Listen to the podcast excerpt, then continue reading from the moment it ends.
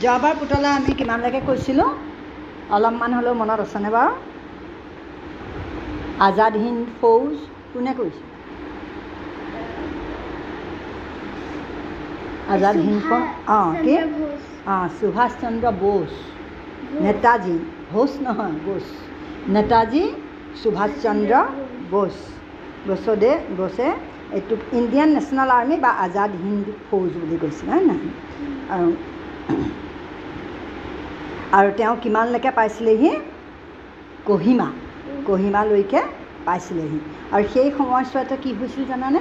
এই ভাৰতত মুছলিম লীগৰ সদস্যসকলে ভাৰতত মুছলমান আৰু হিন্দুসকলৰ বাবে সুকীয়া সুকীয়া দুখন ৰাষ্ট্ৰৰ সৃষ্টি কৰিবলৈ দাবী তুলিছিল সেইটো সময়ত। সেই সেইখিনিতে আৰু ঊনৈছশ চল্লিছ চনৰ মাৰ্চ মাহত লাহোৰত বহা মুছলিম লীগৰ অধিৱেশনতে মহম্মদ আলী জিন্নাই তেওঁৰ এই দ্বিজাতি সূত্ৰটো ঘোষণা কৰে আৰু ক্ৰমে মুছলমানসকলৰ বাবে উত্তৰ পশ্চিম আৰু পূব ভাৰতৰ মুছলমান প্ৰধান অঞ্চলসমূহ লৈ এখন মুছলমান ৰাষ্ট্ৰ বা পাকিস্তানৰ দাবী তোলে।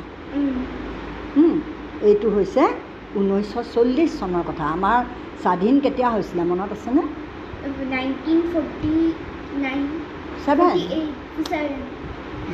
এইটো ভুল কৰিলে নহ'ব নহয়। নাইনটিন ফৰ্টি ছেভেনত আৰু এইটো ফৰ্টিতে হ'ল। ফৰ্টিতে মানে তেওঁলোকে এইটো যে আমাৰ দুখন ৰাষ্ট্ৰ হ'ব লাগে বুলি হেৰি কৰিলে। আৰু এই সময়ত যুদ্ধৰ প্ৰতি ভাৰতীয়সকলৰ অকুণ্ঠ সমৰ্থন পোৱাৰ আশাৰে না হোৱা নাছিলে কিন্তু পাকিস্তান কৰিব লাগে বুলি কৈছিলে জিন্নাই। সেই সময়তে কি হ'ল?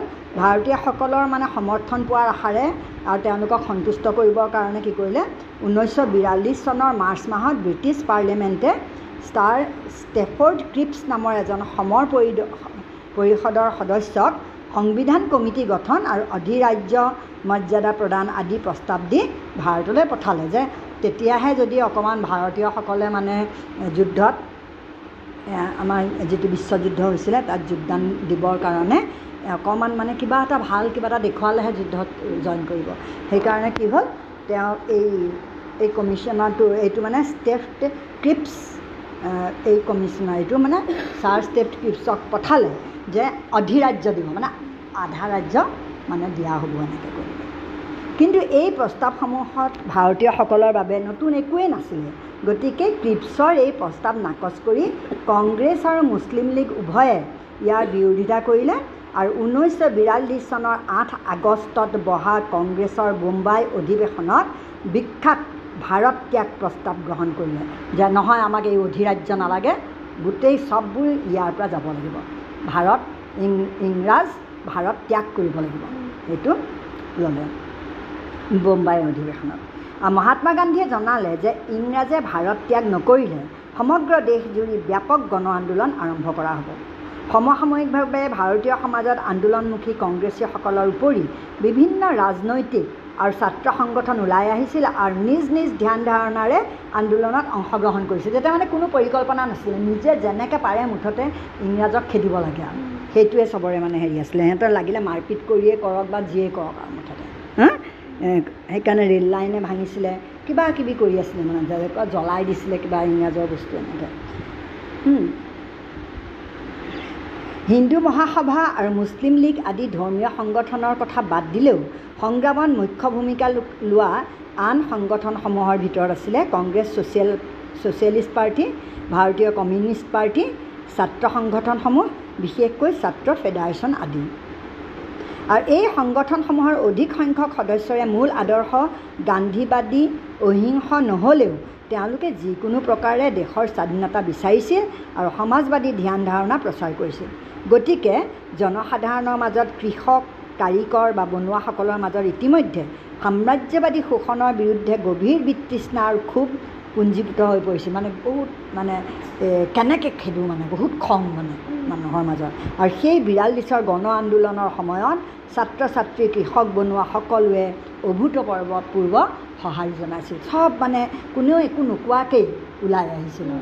এতিয়া বোম্বাই কংগ্ৰেছৰ সভাত গ্ৰহণ কৰা ভাৰত ত্যাগ প্ৰস্তাৱৰ বাবে হ'ব লগা আন্দোলনৰ ব্যাপকতাৰ বিষয়ে চৰকাৰে আগতীয়াকৈ উপলব্ধি কৰিব পাৰিছিল। চৰকাৰে যে গম পাই গৈছিলে যে এতিয়াতো এই আন্দোলনটো বহুত মানে ব্যাপক হ'ব বহুত ডাঙৰকৈ হ'ব তাৰমানে। সেই আগষ্টৰ প্ৰস্তাৱ কাৰ্যকৰী কৰাৰ পূৰ্বেই চৰকাৰে কি কৰিলে? গান্ধী নেহৰু আজাদ আদি নেতৃত্বত থকা ব্যক্তিসকলক বন্দী কৰি জেলত দিলে। আৰু যিকোনো প্ৰকাৰে আন্দোলন বন্ধ কৰিবলৈ বদ্ধপৰিকৰ হ'ল ডাঙৰ ডাঙৰ নেতাবিলাকক জেলত ভৰাই থ'লে।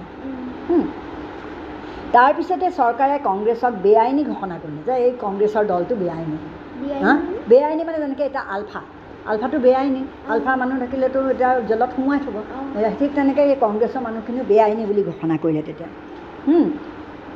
আৰু যিকোনো কংগ্ৰেছী নেতাকে য'তেই যেনেকৈ পায় তাতে গ্ৰেপ্তাৰ কৰাৰ নিৰ্দেশ দিলে। কিন্তু সেই সময়ত জনসাধাৰণে এনেদৰে মানসিকভাৱে আন্দোলনৰ বাবে প্ৰস্তুত হৈ পৰিছিল যে নেতাসকলক বন্দী কৰা স্বত্তেও তেওঁলোকে নিৰুৎসাহ নহ'ল বৰঞ্চ যি য'তেই আছিল তাৰে পৰাই আন্দোলনত জঁপিয়াই পৰিল। হৰতাল বিক্ষোভ স্কুল কলেজ বন্ধ কৰা ধৰ্মঘট আদি পূৰ্ণোদ্যমে চলিলে।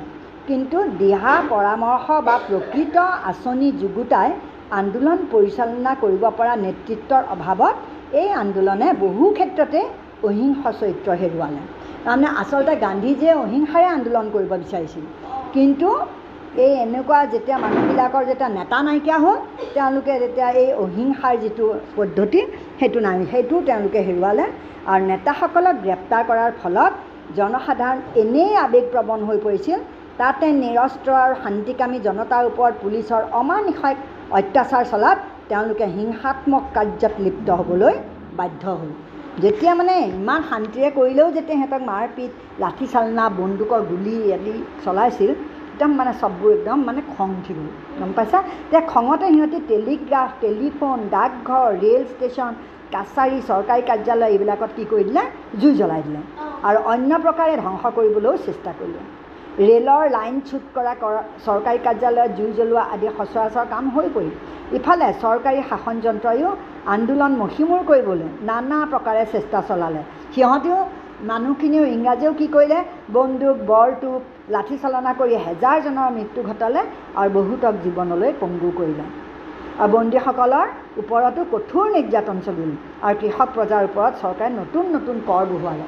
টেক্স যেনে বেলেগ বেলেগ ধৰণৰ টেক্স বহুৱাবলৈ এতিয়া ঊনৈছশ বিৰাল্লিছৰ এই অভূতপূৰ্ব আন্দোলনত অসমৰ জনসাধাৰণেও বিপুল সহায় জনালে। অসমৰ মানুহো ৰৈ নাথাকিলে সেইটো সময়ত। কংগ্ৰেছৰ অধিৱেশনত ভাৰত ত্যাগ প্ৰস্তাৱ গ্ৰহণ কৰি উভতি অহাৰ পথতে গোপীনাথ বৰদলৈ আৰু সিদ্ধিনাথ শৰ্মাক পুলিচে কি কৰিলে?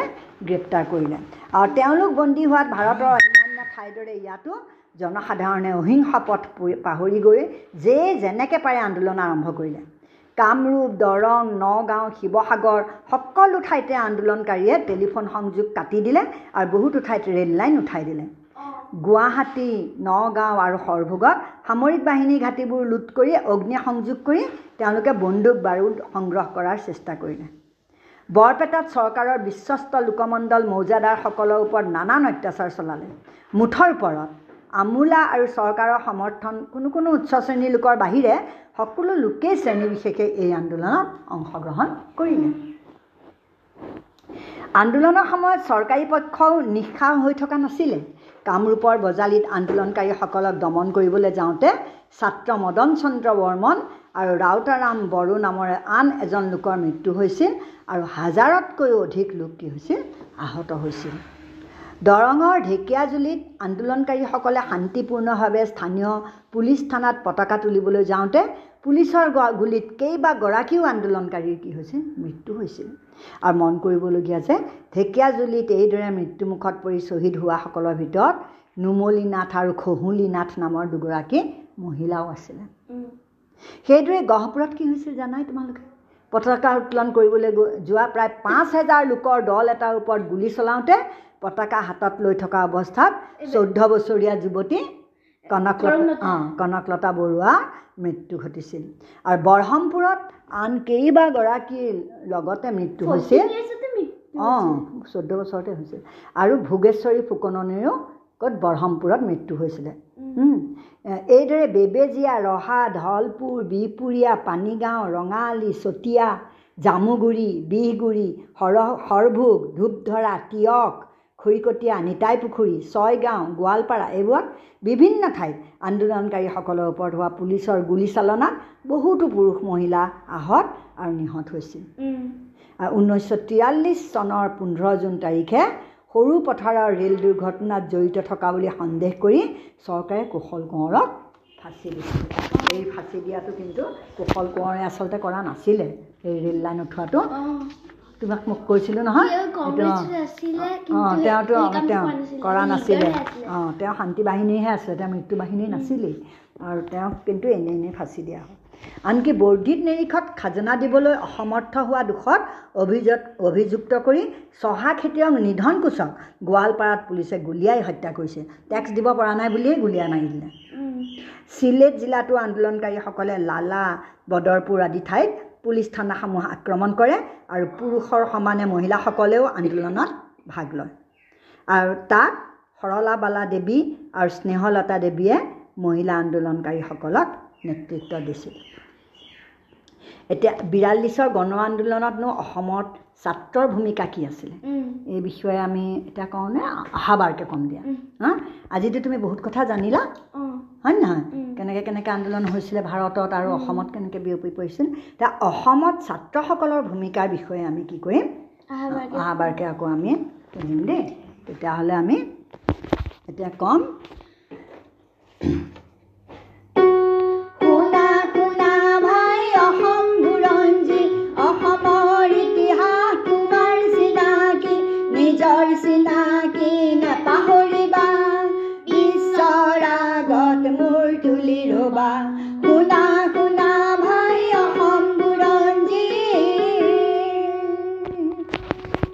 আমাৰ চেনেলটো ফ'ল' কৰি দিব ভিডিঅ'বোৰ লাইক কৰি দিব শ্বেয়াৰ কৰি দিব।